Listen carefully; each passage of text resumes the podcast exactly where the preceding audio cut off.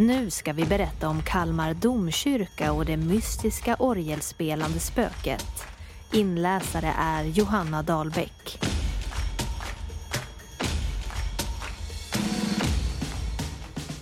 Det går ett rykte i Kalmar stad. Från mun till mun viskas det. Det spökar i domkyrkan. Den som har rört sig i närheten av kyrkan under nattens tysta timmar har kunnat höra musik från orgen där inne. Någon har till och med uppfattat att det varit just Björneborgarnes marsch som spelats. Året är ändå 1901. Tror verkligen människor på sådan vidskepelse? Men vad eller vem skulle det annars vara som får orgens pipor att ljuda genom natten?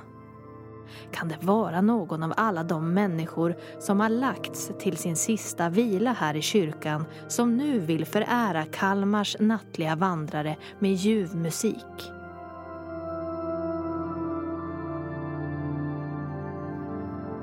Kalmar domkyrka har en lång historia. När hela staden skulle flyttas till Kvarnholmen gällde det kyrkan med. Den gamla bykyrkan sprängdes men innan byggnaden helt förstördes tog man bort klockorna och predikstolen och flyttade dem till den nya domkyrkan här på Kvarnholmen. Det nya bygget skedde i en tid av krig och pest och bristen på pengar som de svåra tiderna orsakade gjorde att kyrkbygget drog ut på tiden.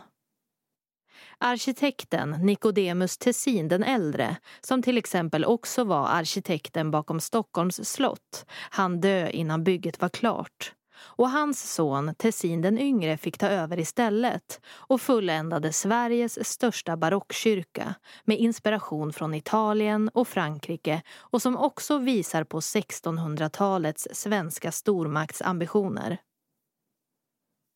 Midsommardagen 1682 invigdes kyrkan, fyra år efter att den gamla sprängts, så behovet av en ny kyrka var stort. Men den nya var fortfarande långt ifrån klar och gudstjänsterna hölls med regnet droppandes från taket. Inte förrän 1703 var kyrkan helt färdigbyggd. Så var är det här med att begravas inuti kyrkan? En sed som förekom redan under medeltiden och hade sin absoluta höjdpunkt under 1600-talet. Att begravas inuti kyrkorummet var den yttersta och slutliga manifestationen av makt och social status. Och de finaste, mest eftertraktade och dyraste gravplatserna låg i koret.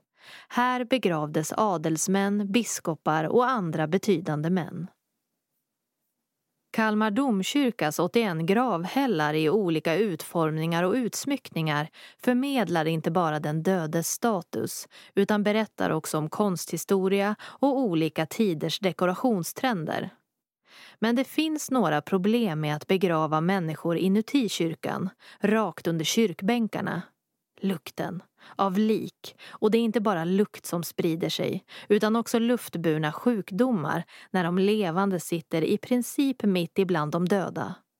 Under 1600 och 1700-talet löstes problemet med att besökarna tog med sig doftpåsar till kyrkan, som man tänkte inte bara skyddade mot doften utan också mot smitta. Prästerna började protestera mot den mycket populära men ohygieniska seden redan under 1600-talet. Men det dröjde till 1700-talets mitt innan fler betydande män höjde rösterna för att sätta stopp för begravningar inuti kyrkorna. Vilket resulterade i ett förbud från och med år 1815. Men det var svårare än förväntat att förmå ståndspersoner att avstå sin gravplats. Den sista gravsättningen här i domkyrkan skedde runt 1824 och var troligtvis adlig eftersom man vågade töja på förbudets gränser med nästan tio år. Så att det vid sekelskiftet runt 1800-1900-tal gick rykten om spöken inne till kyrkan är inte så konstigt som man kanske skulle kunna tro. Kan det ha varit en gammal kantor som vaknat till liv igen några hundra år senare? Men nej, Tidningen Barometern förklarar i en artikel att anledningen till det nattliga orgelspelandet lär vara att en fönsterruta i jämnhöjd med orgelpiporna varit sönderslagen varpå vinden kunnat ta sig in och inte bara spelat orgel utan dessutom fått rollen som ett spöke. Mer mystiskt än så var det inte.